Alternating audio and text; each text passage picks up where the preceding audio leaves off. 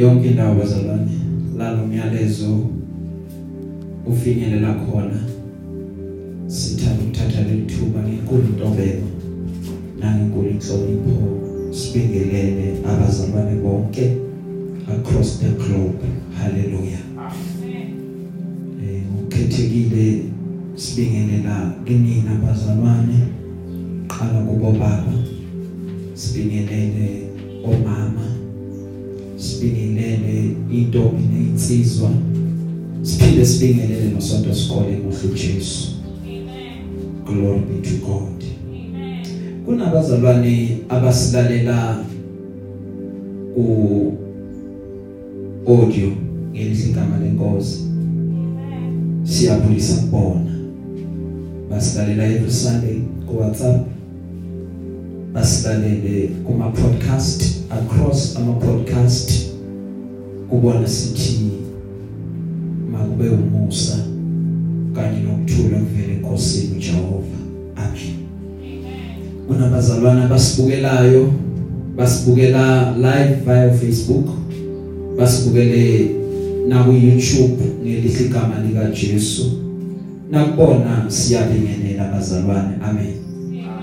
Amakhaya ngamakhaya ngokwahlukahlukana lalo umyalezo ufinyelela khona siyabulisa ngokukhulu kwethoka amen. Sithi namhlanje uJesu samile eyinkosi usahleli esihlalweni sobukhosi akazi ukuguqulwa ilutho. Makabongwa Jesu. Myalezo wanamhlanje uthi don't lose your soul. Ngalahlekelwa umphefumulo wakho. Amen. Sifunda incwadi kaMateyu Matthew chapter 16 verse 26 Incwadi kaMateyu the book of Matthew chapter 16 verse 26 Glory be to God. Amen. Bazalwane. Eh hayi ke namhlanje sijabulile bazalwane kuhle konke konke ku right kuwawo ku fabulous amen. Amen. Makabongwe Jesu. Amen. Si recorda i episode lentshumayela namhlanje eye 100 eh esiyoyifaka ku YouTube bazalwane. Amen. So usuku olukhulu olukhethekile kakhulu eh akusubani nobana i believe ukuthi akubona bonke abafika ku 100 amen. Ngaloko ke siyakholwa siyathemba ukuthi lo 100 uzozala abanye abo 100 abayi 900 sithi 1000 siphinde sidlulele ngale amen.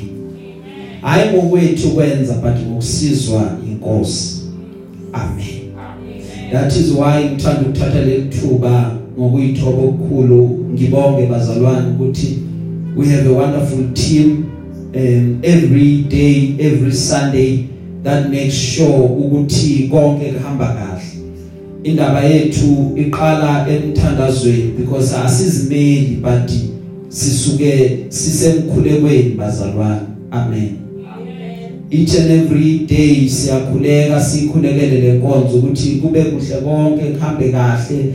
Makushunyayelwa izwi lizwakala konke siyakhulekela ngoba ama challenges avela usuku nosuku. Amen. So before ngena kula ma challenge nje briefly bazalwane maqale ngibonge ngaze ngikhohle ngithanda ukubonga to u director wethu bazalwane o director everything every movement esiyenzayo ukuthi konke ku right ahleli ngasemumva haleluya siyabonga kakhulu ukuthi ayinikele emsebenzini wenkosi bazalwane. Amen. Sibonge ku videographer yethu every sunday. Niyabona kuhle kanjani bazalwane? Uyimisele uyazi ukuthi uze kuma big days amalanga amakhulu. Amen. Siyabonga ukuthi enze make sure ukuthi ivideo yethu izwakala kahle ibonakala kahle. There's no disturbance because even after we have preached siyahlala. If kube nenkinga esibonayo thina abantu abangazazi and si discuss why kunalenkinga kwenzakaleni Sunday? How can we rectify it so that ekugcineni sizokwazi ukuthi we are producing excellence? Phe amen. So we have lawo ma discussion njalo njalo masibona inkinga sihamba hambe silungise sibonge bazalwane eh kubhuti wethu osilungisela isound wenza make sure ukuthi sound audio visual yethu is always on point. Ziba khona ihibe lapha nalapha mara konke ngokusizwa uJehova it, it flows bazalwane. Amen. Kube khona ohlalayo aedite injumelo zethu every Sunday. Just to make sure ukuthi injumelo ibonakala right konke into afaka ama emblem and everything and everything so that noma iphuma the hours invested ayabonakala ukuthi kusetshenzwa zangidlalo la. Amen. That is why mawungabuka ama video ethu you'll see ukuthi we we are working hard behind the scenes. Hallelujah. And then kube khona distributor leintshumayelo ukuthi zizwakale yonke indawo Spotify yonke indawo bazalwane zikhona. Masithola igama ukuthi intshumayelo seyikhona ku Google Podcast seyikhona ku Apple Podcast khona distributor ngoba is not automatic. Amen. So siyabonga kakhulu bazalwane eh ngomsebenzi owenziwa yilabazalwane ukuthi bayinikele emsebenzini wenkosi. And eh, kwangathi inkosi yomusa ingababusisa bazalwane. Amen. Ngoba kuyenzeka umuntu uyabambeka kuyenzeka manje ubambeke bathi hayi so besingeka sizameni iplan yokuthi umsebenzi wenkosi uqhubeke uye phambili ungabi ngokuthi asikho. Haleluya. Siyabonga kakhulu bazalwane. Ngabashayela izandla nje bazalwane. Haleluya. Ya namhlanje ke bazalwane ngi izolo nje ebusuku ngingayobhudula. Phenya ngaba nje nomzalwane lo kwi-director yethu ukhulumile wathi hayi man namhla ilanga elikhulu leli elingajwayelekanga fanele ubuke kumuhle yabona umuhle namhla bazalwane amen. So wathi le yasudu leya lengaconsi phansi leyo makaze wayigcoka senza ulive asilandele amen. Haleluya inomlando lesudu engigcokile bazalwane ningayithathi kancane inomlando. Akusisudu nje. Angihambani izolo ngaye store ngaye cha ngayithela hayi inomlando. Nawo umlando wakhona. Haleluya. Amen nawo umlando walesudu engingibona ngiyigcokile bazalwane. Lesudu le ngangasiya umuntu ogcoka amasudu ngisakhula bazalwane. Eh wathi ubaba kini fanele kugcoba amasudu ambuka kancane athi ayi baba ima kancane mina namabhantshi laba yiwona kancane kanti ukhuluma nje ngisondela ukuthi ngiyeka matric maye ka matric nalento abathi matric dance and fanele ufike vele uyishapile. amen sengiyabuya kuye manje baba bathe siya ku matric dance. Maye lapha bakufuneka isudu phela la. Bantu angaze ngaye bathi kufuneka isudu la. Bangibuka kancane umotha wathi oh ngakutshela. Kunjani mama nje? Wakhipha imali. Wathi hamba uthenga isudu. Manje ngahamba nomngane mama ungikhombisa izitora athana isudu le right izokufanele njoba ngingona nje ngiculi exact matric then nganje bazana neshirt elipink nento banje umachai chai sengaphuma kumachai chai mara namhlanje. Ngilande yona le yaka matric then yiyo le bazana fitting size. Hallelujah. Glory be to god. Amen. Ngisho nezicathulo yizo lezi matric dance amen bazalwane. Hayi sey 14 weminyaka ikhona. Ngayibeka lapha wardrobe masiloku kuhamba iminyaka umuntu alokakhuluphala ngathi ngogcina ngingenile. Namhlanje kwenzeka imirekili ngingenile. Yabona le button liyafaseka. Uyabona? Ivale naleli liyavaleka nedi ngokwestyle ngoba ngimile. Ya kufanelanga siwavale kufanele kushaya umoya ngoba umoya mase uphakama ngizogcina sengihameka amen. Bazalwane. Glory be to god. Sizongena ezwini lenkosi. Siyabonga umsebenzi inkosi owenzayo usuku nosuku. Haleluya Amen. uma uJesu ezoyolingwa lithi iBhayibheli uJesu wangenela inkonzo yokuzila ukudla wazila ukudla 40 days and 40 nights. Uma ezila ukudla kweza usathana angezange ukwenza into eyiningi ezela ukuba azomlinga wathatha izinto wayibeka before him wathi nako ungakuthola uma ungakhonza mina nako ungakuthola uma ungakhonza mina. But uJesu wakususa konke lokho wakugudluza. Wathi qha sathana akumelanga ukuba ngikhonze wena. Sizwa iBhayibheli likhuluma uthi usathane uyamthatha umphakamisela entabeni. Uma befika entabeni umkhombe imibuso yonke yomhlaba. Uthi uyabona lokhu bukhazikhazi bomhlaba? Uthi uJesu yebo sathane ngiyakubona. Uthi uma ungakhonza mina ngiyakukunika kona ngoba kimi nginikiwe kona. So that nginikeze anyone ozongikhonza anyone ongithandayo ngikwazi ukuthi ngimnikeze lokhu bukhazikhazi maqeda akuse atamase ngalo njengangokuthanda kwakho.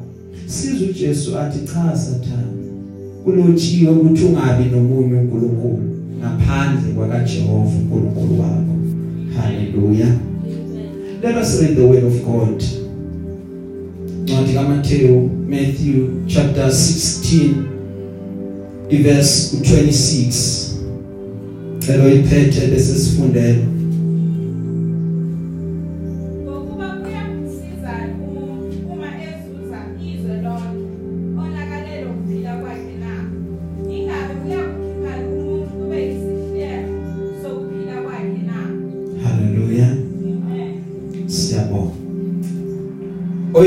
oyiphethe ngesilungu bazalwane just that one verse.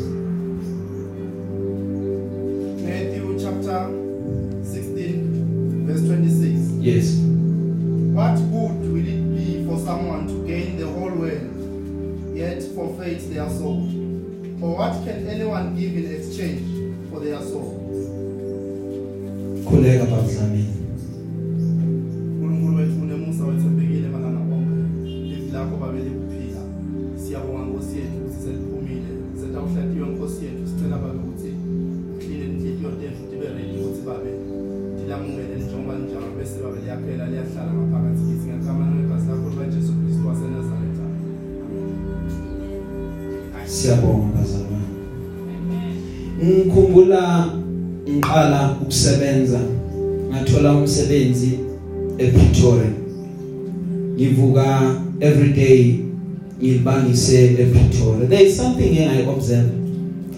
Lapha la ngala ngangisebenzela khona bekunezinto ezinkulu ezinhle.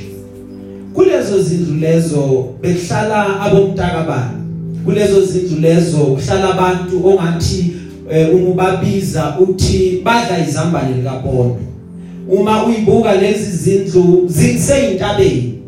Imoto ehamba lapha uyabona ukuthi ezabantu abacaphuna kusana uma ubuka emageyidini akhona makhulu amageyidi wakhona avulwa ngeremote. Ngaphandle uma ubukusisa kahle kuyayibe khona isecurity elisuke ligadile ngake ngaba nomcabango ukuthi sebazakhile lezi zindlu ezingaka. Sebahlala kulama mansions abahlala kuwo anamapool phakathi. Sebaphila impilo ebajabulisayo even ezinhlizweni zabo. Sebagadiwe 24 hours a day and 7 days a week. Kuyaye kube khona okwenzakalayo uma kufika ingelosi yokufa. Ingelosi yokufa uma ifika ayivinjelwa ukuthi kune security eliqaphe esangweni. Ingelosi yokufa iyakwazi ukuba ifike ngemuva lo agade phambili athi akukho okufohlayo noma okudabulayo ngoba ngiuqaphile lo muzi. Kuyenzeka ukuthi lo osesangweni athola umbiko othi ubaba wala ekhaya akasekho. Abuza ukuthi hawu kwenzakaleni? Bathi hey kumzumile nje ekseni njengoba sizovuka. Mara ugadiwe lo baba 24 hours a day 7 days a week. Unayo yonke imali ongayicabanga. Unayo yonke into ayidingayo. Unabantu akwazi ukubafonela abaku speed dial akwazi ukubabiza athi phuthumani izinto ayihambi kahle. Ngoba impilo yomuntu it is not uh, hidden or rooted kulezi zinto anazo but impilo yomuntu is in their soul. Impilo yomuntu isemphefumulweni wakhe. Manje indaba ngomphefumulo kuba umphefumulo awuthengwa noma uthengiswa ngoba izinto zakababa uNkulunkulu awukwazi ukuthi ungayikhiphela imali ukuze uze ube nazo. Uyakhumbula eBhayibhelini lithi iBhayibheli enye indoda yabona imisebenzi yamandla yenziwa abapostoli yathatha imali yathi thiyothenga lo msebenzi noma iyothenga amandla. Ikhazwe ukuthi laba bantu banamandla ngiyayifuna lento abanayo. Mangikhiphe lonke igolide ngithenge lento abanayo. But lithi iBhayibheli abapostoli bamrebuke abakusuka nemali yakho ngoba lento kaNkuluNkulu ayithengiswa ayidayiswa. Ayiyi ngokwemali ukuthi wena unamalini because if bekade iya ngokwemali bengenza vele exchange uthi nginayo yonke imali so let me preserve impilo yami ngale mali enginayo but impilo yakho ayibanjwanga imali ngoba ibanjwe uJehova makabonge uJehova lithi iBhayibheli lasifunda khona ngokuba kuyakumsiza ngani? umuntu ukuba azuzizwe lonke. Kepha onakalelwe ukuphila kwakhe. Kanti kanti kanti lokuzuzizwa kusho ukuthi usindisa ukuphila kwakho yini? Kanti kanti kusho ukuthini ukuzuzizwa? Ungawuhamba wonke uqede umhlaba but uthola ukuthi kune gap ungakwenza konke uthola ukuthi kune space esikhona singavalelanga ngaba nayo yonke imali. Uthola ukuthi ikhona la uza khona udayi indle right inkulu konke kukhona mara ngiyagodola wayi kubandla kulendlu inkulu yona. Abantu bacabanga ukuthi ujabulile uyabusa. Unemoto zikhona ziningi. Khona nenkulu phakathi mara. Kune space sente engavalekanga. Where is your life? What constitutes yini yakha impilo yakho? Amen. Because clearly according to the bible ukugadarisha zonke lezi zinto ukusuza izwe it does not automatically mean ukuthi impilo yakho seyilungile. Ngoba ungayiz ungalizuza izwe lonke but ulahlekelwe ukuphila. Ngoba ukuzuza izwe kusho ukulahlekelwa ukuphila. Kwamazuthi ukulahlekelwa yizwe kusho ukuzuza ukuphila haleluya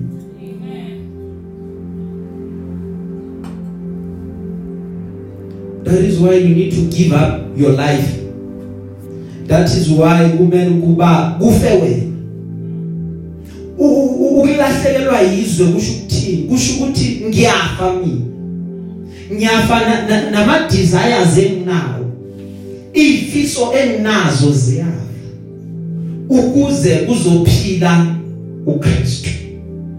Makusaphila ubumina makusagcwele ukuzazisa kwami angikafinyeleli la ngazi yena namandla wamvusa.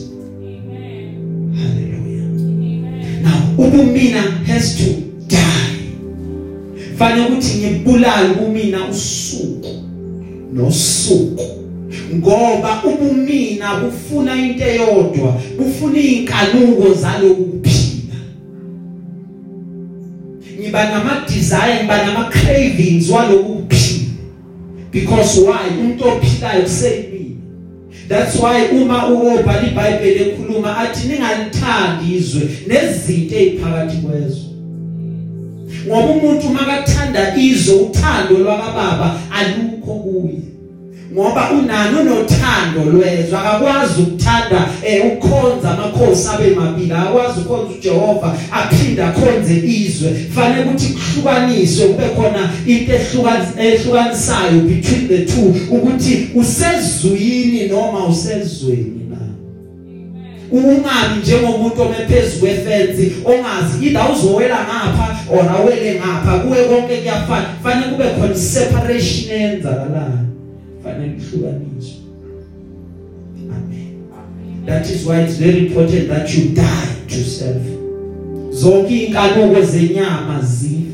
So that uzophila uKristu kuwe. So that na uzokwazi ukukhuluma njengoPaul ukuthi akusemini ophilayo but uKristu ongene ngaphakathi kimi. And lapho ichange so uyayibona so uyafila ukuthi akusasiye lo muntu engakade nginguye ngoba lo wakudala ufile wangcwatshwa sekuvela omusha manje. Ningalithandi leli lizwe. Ningalandeli kakhulu even ezintweni zalo ngoba konke okusezweni kuhlukaniseke kathathu ezweni lenkanuko yenyama uma sibona nje siphila. Sinale craving esibambayo yenyama ngahlala la uthi ngiyashisa namhlanje ngikhani ngicold drink.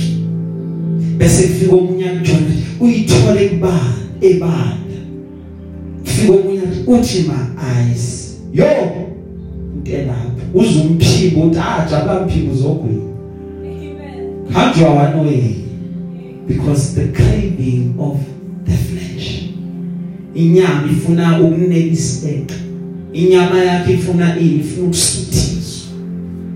Uthi noma uhambe emola ubone ubone le rogo man uthi hey man yeah ngibonwa yi engekangeke azidlulile la bengekho.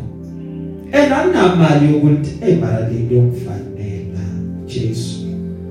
Ake ngibone ukuthi kuphumani ake ngithathe le 50 ngithathe le 100 ngizobona makuphela inyanga ah ubuye nale rogo for sure.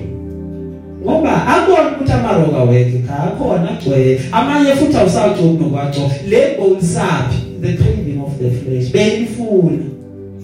Mawufika uligcokile uze ngale nkonzweni uthi ama high heel ayisifika hayi mu eh hayi uyabangena namhlanje uthi ave ngivele ngalibona nisesewindini ngathi ngiyalithanda Amen. haleluya Amen. because ukuyikhuza kuba kuncane kwadele ukuthi fanele ngigratify le ngizwayo ngibona ngazi ukuthi mangayigratifyanga akulungi haleluya Amen.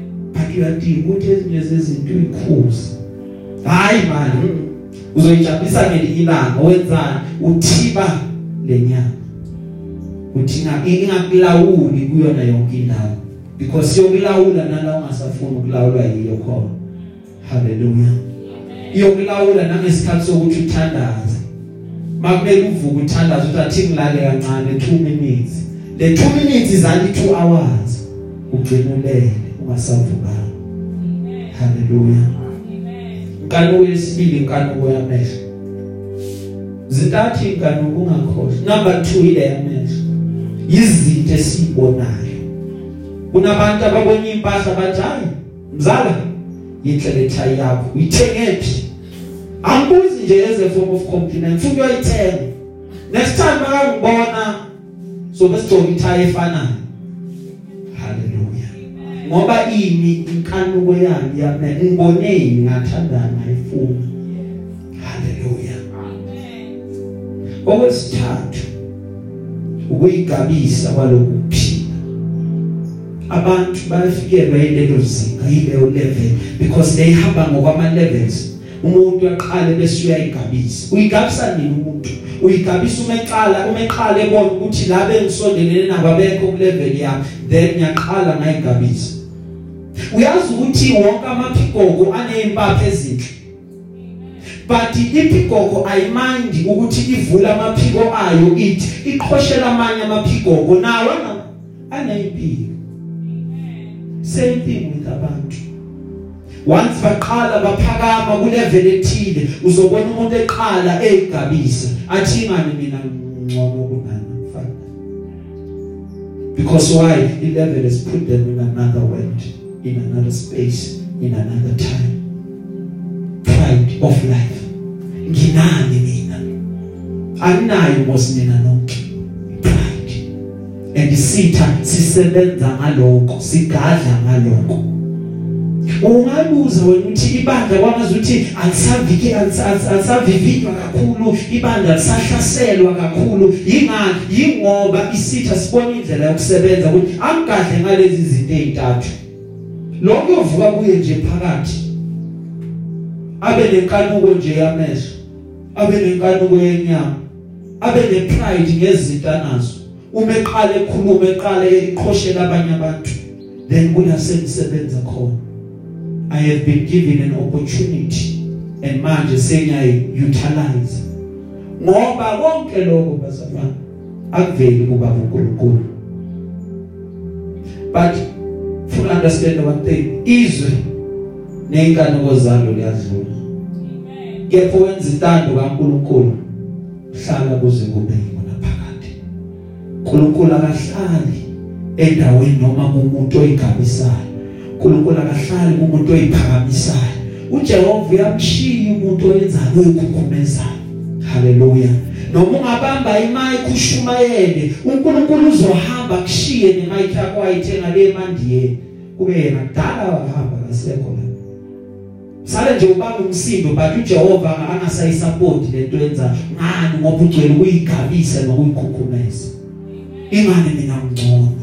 Ingani mina ngcoka kahle? Ingani mina ingani Jehova bese uyasuka ngoba ufuna laba abayithobile. Kulabo abayithobile maqeda bese uyayiphakamisa kwangazi ukuthi singahlala njalo sithobekile bazalwane. Sibona uJehova eqhubeka esiphakamisa noma abantu basitusa basibabaza every time siqhubeka sishona ezantsi sishona phansi. Sithi bakudumo longolwakho sithi siyayibonga imisebenzi kaNkulunkulu. Akumina but uNkulunkulu owenza konke lokhu udumo malube maluye kuye. Mase ukhula when you become matured you will learn one thing. Ukuthi emhlabeni yonke into is meaningless. In life everything is meaningless. Why is it meaningless? You will discover this thing uma uqhubeka usebenza wenza konke. Ukanarisha ama positions akho. Uhamba uyale nale nale. Maqeda bese uyabuya. Kuthi before impilo yakhe izophela sobe nabona bonke sobe nengcebo yonke. Wabona abantu bonke wazi abantu bonke. Maqeda bese uyabona ukuthi everything is meaningless ngoba umshumayeli ubuza into ukuthi yini yini benefit? Yini inzuzo? Kumuntu ngawonke umshikashika wenza ngaphansi komthunzi welanga. Ngoba isizukulwane siyafika maqeda sidlula but umhlaba solomile sona uguquki so what is the gain yomuntu abanayo? Ngoba yonke into angayikhanda isebenzele ngeyikhwepha nangamandla akhe kuya ukuthi mesedlulile bese yathatha imix kwabanye abantu. Glory be to God. Don't lose your soul. Ngalahlekelwa umphefumulo wakho. Ngiyakubona konke ongabanako. Ngiyakubona konke ukusebenza kanye nokuyikhanda kwakho ongakwenza. Bacabangela umphefumulo wakho. Ingabe usebenzela njengala usebenzela khona inyama na? Haleluya because inyama yethu sifuna ibe yinhle sifuna ithandeke. Ah kune image efanele siyoyipresenta kubantu. Amen. Before ngiza la ngizoshumayela ngenza make sure ukuthi nale tie ngiyifakile i straight ayitshekanga. Ngoba kune image efanele ukuthi ngifike ngiyipresente kubani bantu. Ngisebenzela inyama. Mawubona hayi muhle ucwe kahle namhlanje inyama le gets gratification yes but what about umphefumulo ingabe ingabe nawo utuswa njengoba utuswa inyama yamnandi ingabe njengoba abantu bamile bangishaya izandla bangibonga ukuthi hayi ngakwazi ukuhlanganisa amakhala whatever whatever but ingabe umphefumulo uyabonga yini? Ingabe uhappy noma udangele ingabe wondlekile? Noma uzacela la emhlabeni njengoba uqhubeka usebenza make it a point ukuthi ingcebo yakho ungayibeki la emhlabeni.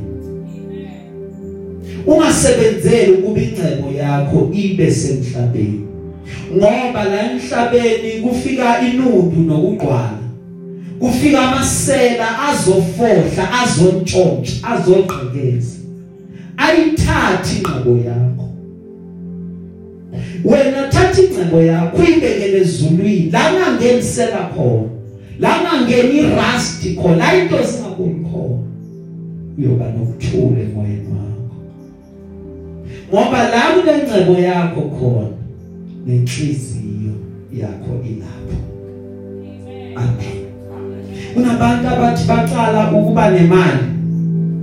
Uma beqala ukuba nemali ba baye bank bake bawukhipha nje imiliyoni. Ngoba uyaqala ngithi ayibona hoy imiliyoni nje ingaka. Okay makade ayithathe futhi aphinda ibisele bank ngoba kula inhliziyo yakhe ikhona. Ungathi uhlele ekhaya ubukela indaba unemali yakho ebank njengaleli bank elawa uthi ubukela thawo nali bank lami ABC bank hawu kuthiwa kungena amasela baqoqa kwasana woqala wehlala efoni hey cela ukubuza umholo wami yazi ungena iphi imali yami? Checka kuma app iphi imali yami? Isesekhona yini? Ngoba kuthiwe bank igqekezi la kunengcebo yakho inhliziyo yakho. Funa qala umbuso kaNkuluNkulu. Nokulunga konke. Khona zonke lezi zinto zokwenezela kahle kahle le le le material possessions fanele ukuthi benjani thina? Akubona ukuthi sithi asiyifuni. Haleluya akubona ukuthi sithi asiyidingi siyayidinga.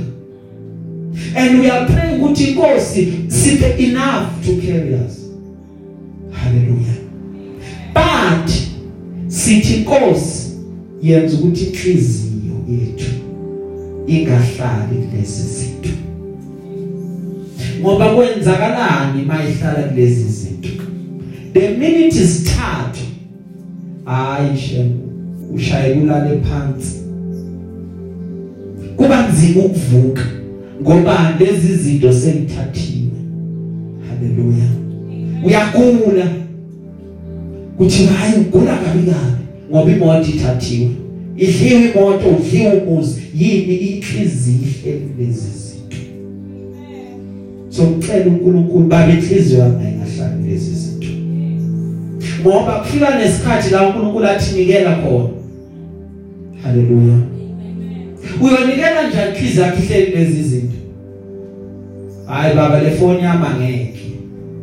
Bengithandaza Nkosi wathi uzonginikele ngangeke Nkosi akonta ufuni ingoba inhliziyo ihleli kule. Athi nje ngizokuphoka ungcono kuna hayi baba hayi cela okunye baba. Hayi icathulo ngakunikeza ngoba vele seyitshekile.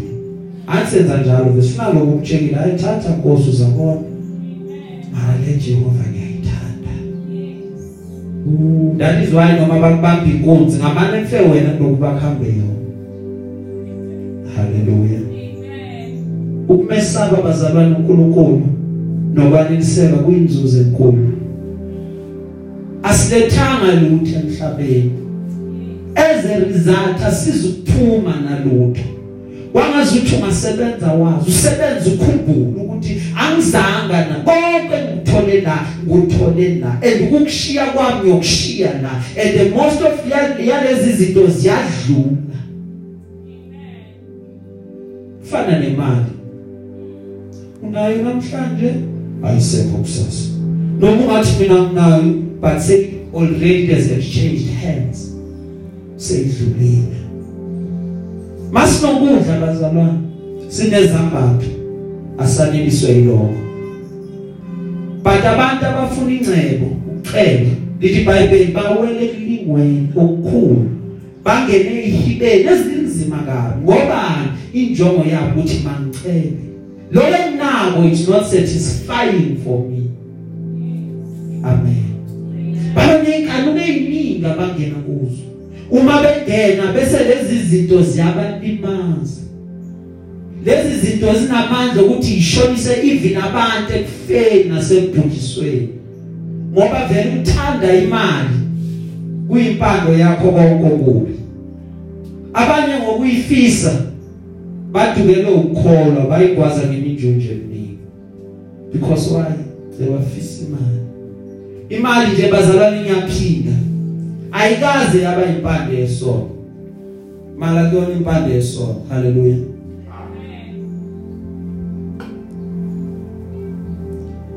ngoba siyasho nje siyathanda ukusho nathi into esingayiqondi. Mala kuyona impande yesono mali impendulo yakona konke uyayidinga? Nami ngiyayidinga. Haleluya. Uma ukhona la uthi awuyidingi kulungile. Iba nayo imali. Maqedwe ilethela kimi mina ngiyayidinga. Mawaba ukuthi awuyidingi inkosi zokubusisa futhi wenze kahle unikele incebo amen. Amen. glory be to God. Amen. but uthando lwayo the love.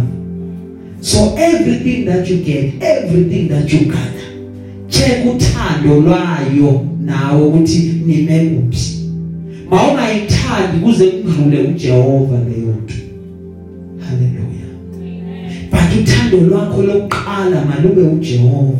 Khona uzoba in rightful standing with God. Khona incebo yakho izoba semazulwini ingabi la emhlabeni. Khona noma kungathathwa ini kuwe ingazokumuva to a point of near death experience. Uthi uPaul mawakhuluma akubona ukuthi nginako konke but iyodwa into esengiyifundile. Ngifunda ukwaneliseka kwizimo zonke. Ngiyakwazi ukuba phansi.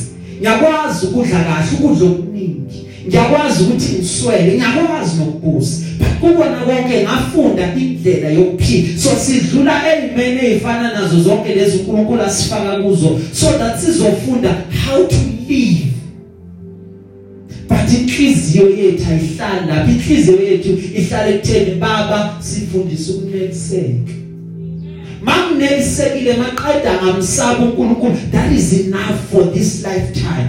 Because bazoza abantu nama offers abo. Ngizokwazi ukuthi ngingawathathi. Ngobani? Ngiyamsaba uNkulunkulu number 2 nganelisekile ngeprovision usimakade eqhubeka anginikeza yona.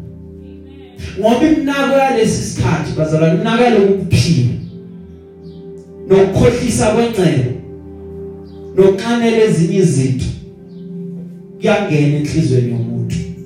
Kwenza izwi liminyane lingakwazi ukuthela ithelo these desires oba nawo ubaba kunamali.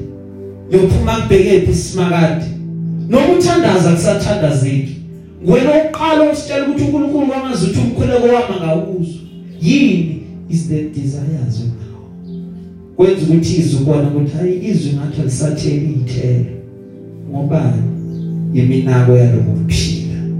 Anginakudla baba nginake lonke kanti kube kunaka yena yena nakekela ukuswela kwakho haleluya naka yena. Yena uzonakekela wena. Phuma phuma phuma ezintweni zakho. Phuma einkathazweni zakho. Noma ukhathazwa iphuma kuyo. Baba le ngibeke esandleni sakho you will take care of it. Kuningi njana ngazi mina my focus ukuba ngidumise wena. Nginake wena ngize kuwe. Fana nale ndoda elithi iBhayibheli yaya kuJesu. Yafika kuJesu yamdumisa kanti nesidingo le ndoda lithi iBhayibheli wathi uthanda ukuba ngikwenzeleni buza uJesu. Wathi hayi baba mawuthanda wena ungangihlambulula angizange ukuzokudumisa ngoba ngifuna ungihlambulula ngizokudumisa ngoba wena uyinkosi. So mangiletha udumo kuwe wena nkosi. Wena uqeda bese wenza umsebenzi. Angizami ukutry to, to come and bribe you ngendumiso ah ngiyakudumisa ngoba lokufanele ungabi le ndoda eyisulu lithi iBhayibheli izwe layo lathela kahle.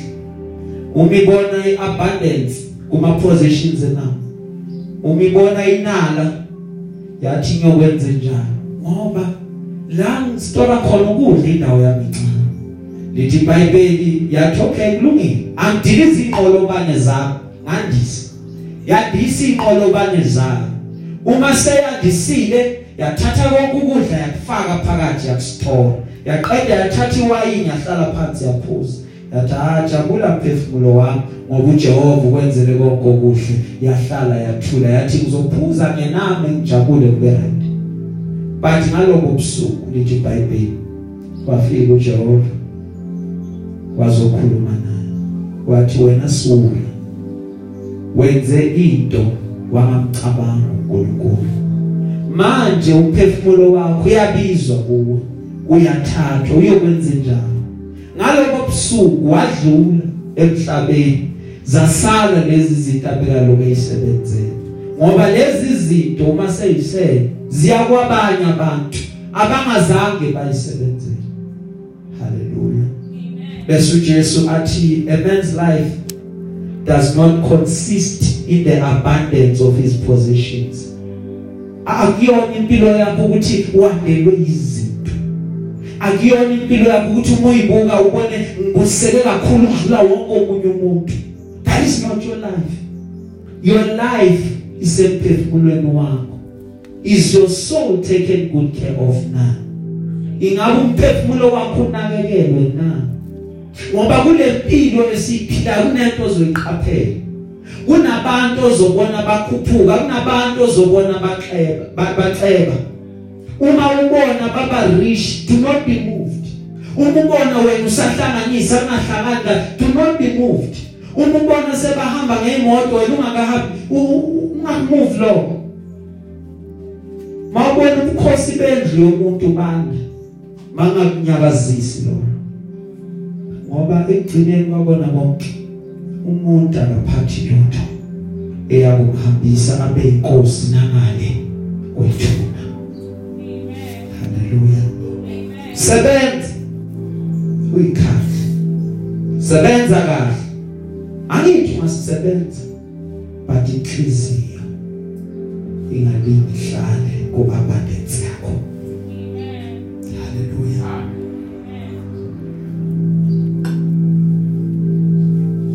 baningi bashaywa ukuthi ngasuke ngafuna iabundance kanti the higher you go yayithi geography the colder it becomes. Mase ufika lephezulu sekubanda sekunzima ukwehla. Ngoba khona nabanye phela ubanyathela amakhono inkathi unyuka. Abantu bangazihamba ngemoto engako sefanele nginciphise ngidowngrade ngihlale emotweni encane. Abantu bangazihlala endlini enkulu engangenzeli lutho sefanele ngiyodowngrade akubele lokushini uba nina ngeke. Ngamane lokuchubeka lokugame uyahameka a a status. Hallelujah. Let it not define you.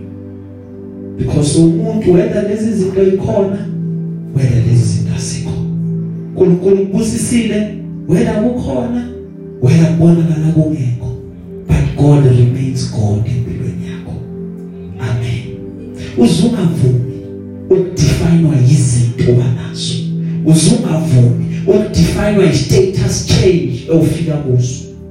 But it inkosi let this serve ipurpose yenjongo yakho. That's why noma ufike endaweni ungakhathazi ungakhathazwa izinto enganamsebenzi haleluya mina nje noma ngiyankonzweni bababize bonke abafundisi babize ngamagama ibongo yabona babizwa ngeyibongo babize ngeyibongo banjanga anginkinga haleluya ngoba i know who I am. Ngizela ukuzoserva ipurpose. Mangiserve ipurpose ngiqedile angizelanga igama ukuthi phakama igama. Ngoba ngiboni lina effect. Haleluya igama igama nje ngoba likhona. And lahlonishwa kulungile.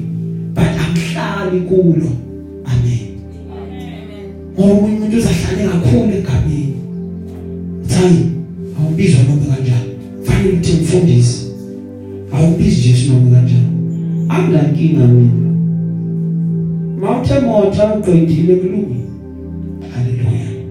ngoba inamfuna ukuhlala ezintweni nami ngo azingisizi mose.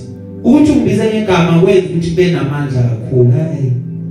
Haleluya and nakwezinye indawo noma bangasalazanga igama lami dala sihamba singene emizini ngikhohle nokusho ukuthi ngubani. Ngize ngalento engizeni mabathola uJesu kulungile noma bangazama ukuthi ubani lo bekho right zonke uJesu nje bamzwile bamthola right haleluya ngoba asebenzele igama. Haleluya over time kuzula konke balikhohle igama lakhe abantu. Ukuthi bekunobani kwababani bakhohle konke lokho. Into eseyifanele ime umphefumulo wabo. Haleluya uyaphi? Sewenze konke wayikhandla kangaka uyaphi umphefumulo wakho? Funa namhlanje uyibuze. Beleqiniswa nje kuwe ukuthi where is my soul going? Sesizogcina bekade kunenkosi lenkosi.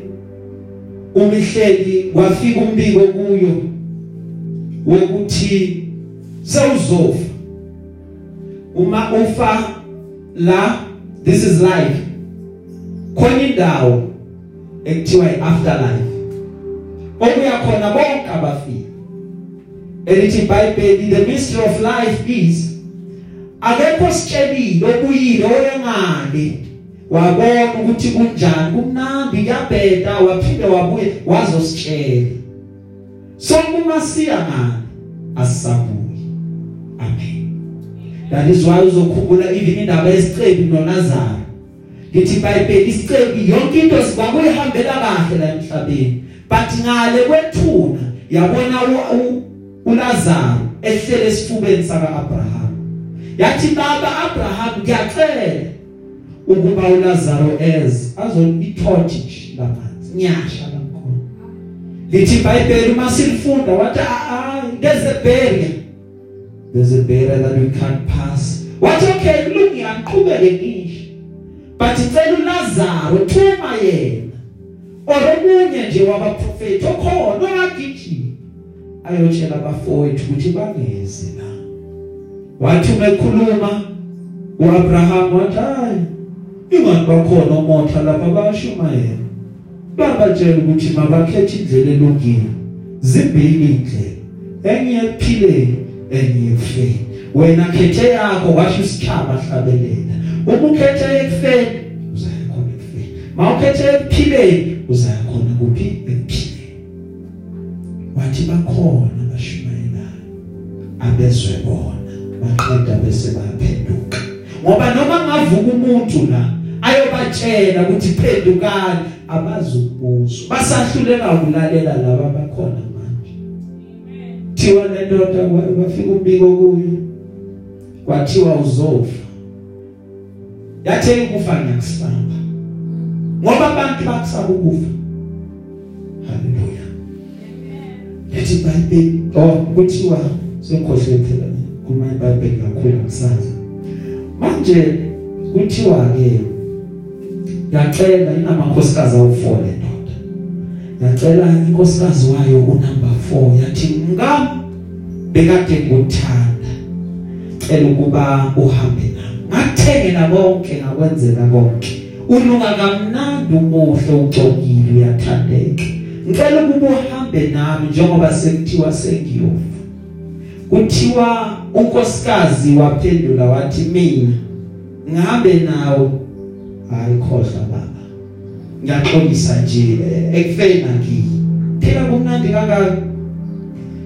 Wayengumkakhe unumber 3 wathi ngam njalo ngangibonisa abantu. Mabantu befikile kushow off ngoba umuhle uyakhazimula. Ngicela ukuthi uhambe nami njengoba sengiyangane kufeni umkakhe wathi eh baba ngiyakuthanda ukukuthanda kepha mase udlulile emhlabeni ngithanda wazi ukuthi ngiyophinde ngishade futhi. So ukuthi ngiyife mina manje cha uzohamba kahle. Waya ku number 2 yokunkakhe ngam cela uhambe nami wawuhlezi unami mangesidingo lahlekelwa iloya unami namanje ngiyazi uzoba cela uhambe nami siyaphi baba? Sefe athi ah baba hey hawu ngeke. Ngisehlala inkosi impela ngiyalima hamba wedwa. Mina into engizoyenza iwani? Ngizokukhapha? Ngifike la ithuna lakho likhona? Ngikubeke. Maqeda bese ngiyabuya. Ngiqhubeke nempilo that is as far as I can go. So ukuthi ngizohamba nawe ngiyangikwazi. Esakhuluma naye ngakaqedi waqhabukiswa ngazi ukuthi kunesihosho ngazi ukuthi futhi uphethwe nawe umkhuhlane zohamba nawe baba. Wathi siyabuke emuva. Wabona unkosikazi wakhe oqala shada naye wathi uyambhekisisa kahle. Wabona uzaqile beyangamuphi ukudla. Lamba beyangamvakasheli nokumvakashela. Ngoba ebhizi nalawo amanye amakhosikazi akhe awashadanini muva. Wathi ngizohamba nawe baba. Noma uye kufeni.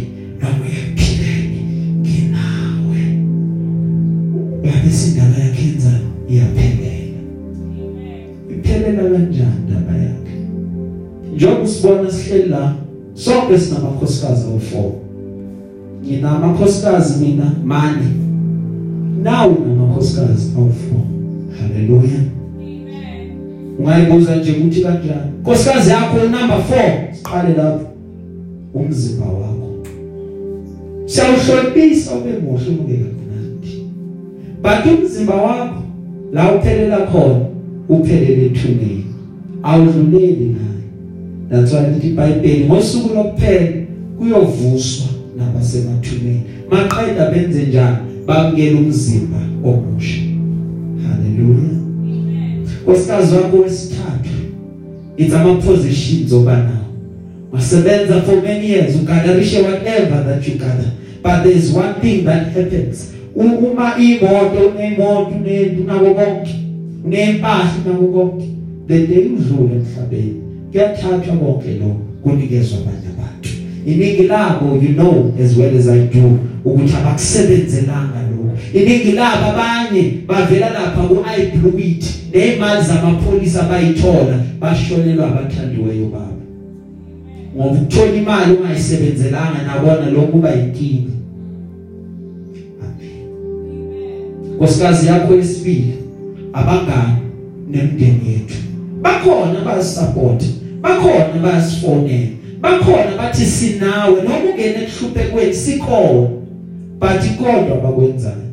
The day sekuyilanga lakho lokugcina bazoza bakhaphe endaweni yakho yokugcina endlini yakho yokugcina. La bajika khona bajike ethuneni baqede babuye bazophila impilo wena usungasekho. Nkosikazi yethu sonke yokuqala it's our soul. Umphefumulo wethu. Often than not umphefumulo wethu siyawuneglect umphefumulo wethu asiwuphi ukudla. Usuke wenzani mawufunda izwi lenkosi? Usuke ufida lo muntu ongaphakathi. Kanti kahle kahle wena ungubani? Akuwena lo esibonayo. Wena uyilo muntu ongaphakathi ongabonakali. Owumphefumulo and okuthiwa umphefumulo uphila forever. Uma umuntu ezodlula emhlabeni kwenzeka just a shift. Ususwa la ayobekwa kwenye indawo that's it. But umphefumulo lingers lives forever. Ingabe uyawunakekela yini? Have time to yourself. Thola isikhathi. Ube nomhlangano na wazi avoid uyitshela amaqiniso. Liyini iqiniso wena abanye abanye abantu bafika babatshela amaqiniso bathi wena unje unje unje? Ukutshela umuntu but mathatha ungayithathele enhloko leyo nto hayi angifuni ukuyizwa ini kanti ukutshela iqiniso sekunento ayiqaphelile ngawo esikhundleni sokuthi umuntu ahlale phansi ayilungise le acele inkosi ngisize basho ukuthi akubekezele inhliziyo yami incane ngicela ukukhulisa inhliziyo yami ibe inkulu ngikwazi ukubekezela you change. Umphefumulo wakho nawe uyachange uyakhula.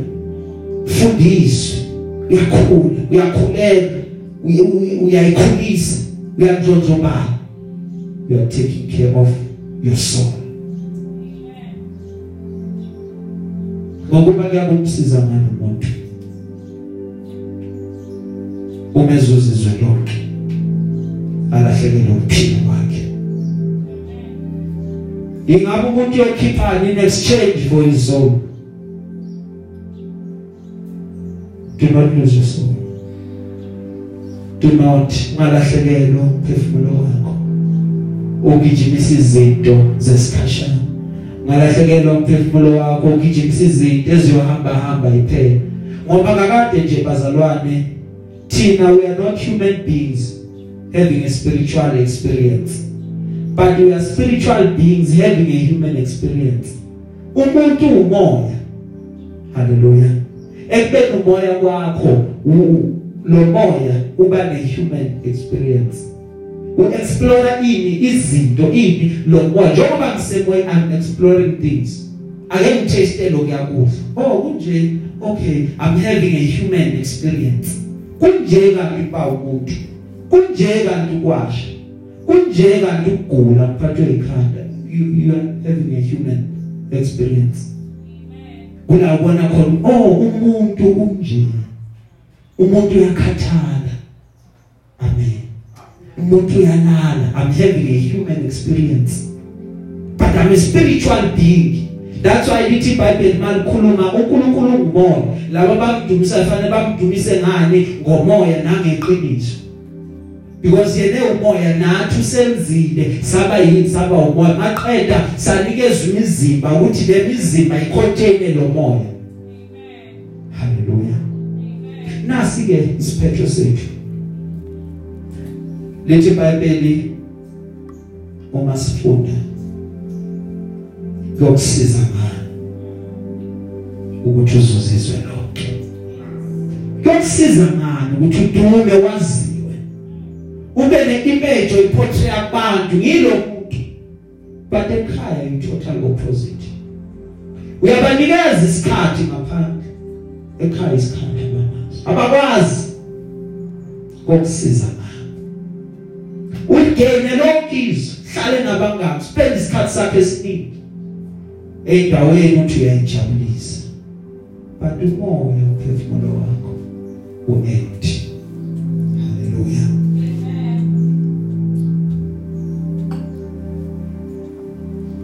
kunabantu they celebrate every weekend. Every weekend there's a celebration going on. But the truth of the matter is abekho happy bona. Because kuyenzeka impilo yakhe iqhubeke neparticipation yakho kanti wena ukho lapho makuphinde kuyenzeka impilo yakhe iqhubeke neparticipation yakho. Kanti wena ukho lapho. Funa nguprovele oh afuna nguprovele ngahlala nawe phasi. Simple example. Ngikhulume nawe. Ushaya ngazi ukuthi umbekile kanti ingqondo yakhe kude iyacabanga. Maqeda ukukhuluma ngize ngiqede ngingakubuzi feedback yakho ngisuke ngihambe. Kanti awuzwanga next ukuthi ngithini kuwe mawubuka isikhathi sambile siqhubekile. Ngikhulumile ngaqeda ngasuka phambi kwakho. But wena mawubuzwa ngithe angazi.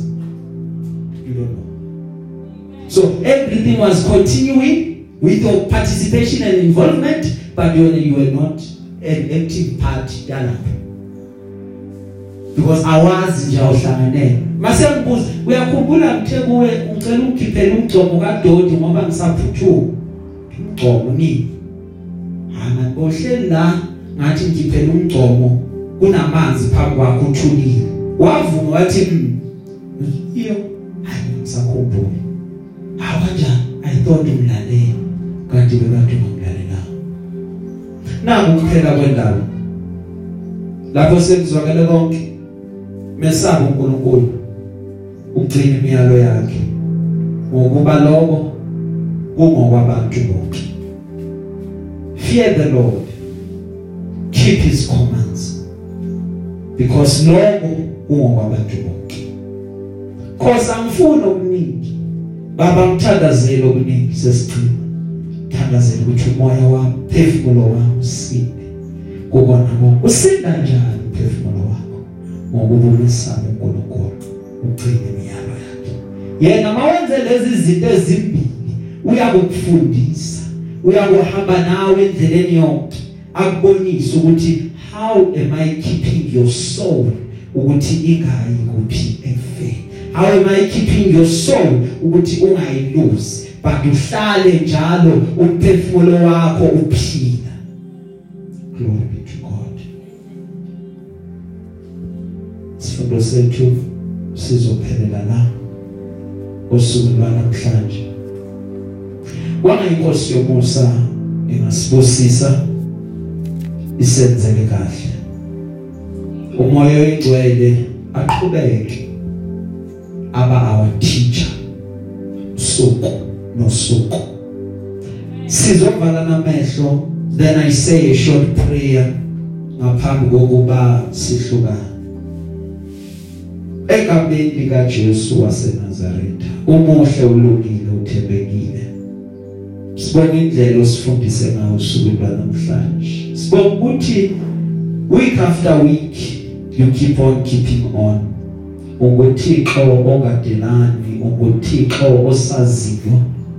Even naloko esikudingayo siyakubonga ngezwi lakho. Nkosi asifuni ukufana naleya ndoda eyisifula singanakekeli umphefumulo wethu. Siyaqonda siya understand ukuba impilo yethu does not consist of the abundance of our possessions as now. Siyaqonda Nkosi ukuba impilo yethu baba isemphefumulweni wethu. Sigcine uNkulunkulu wami usilonde even kulezi insuku nakulezi ikhathi ngegama elinamandla lika Jesu waseNazaretha londa Nkosi umphefumulo wethu. Yiba nathi ke uNkulunkulu everywhere lalo myalezo uyofika khona. Kusisa ibandla lakho ukusisa abantwana bakho ukusisa imindeni kanye namakhaya abo. Ngegama elinamandla lika Jesu waseNazaretha kanye nemsebenzi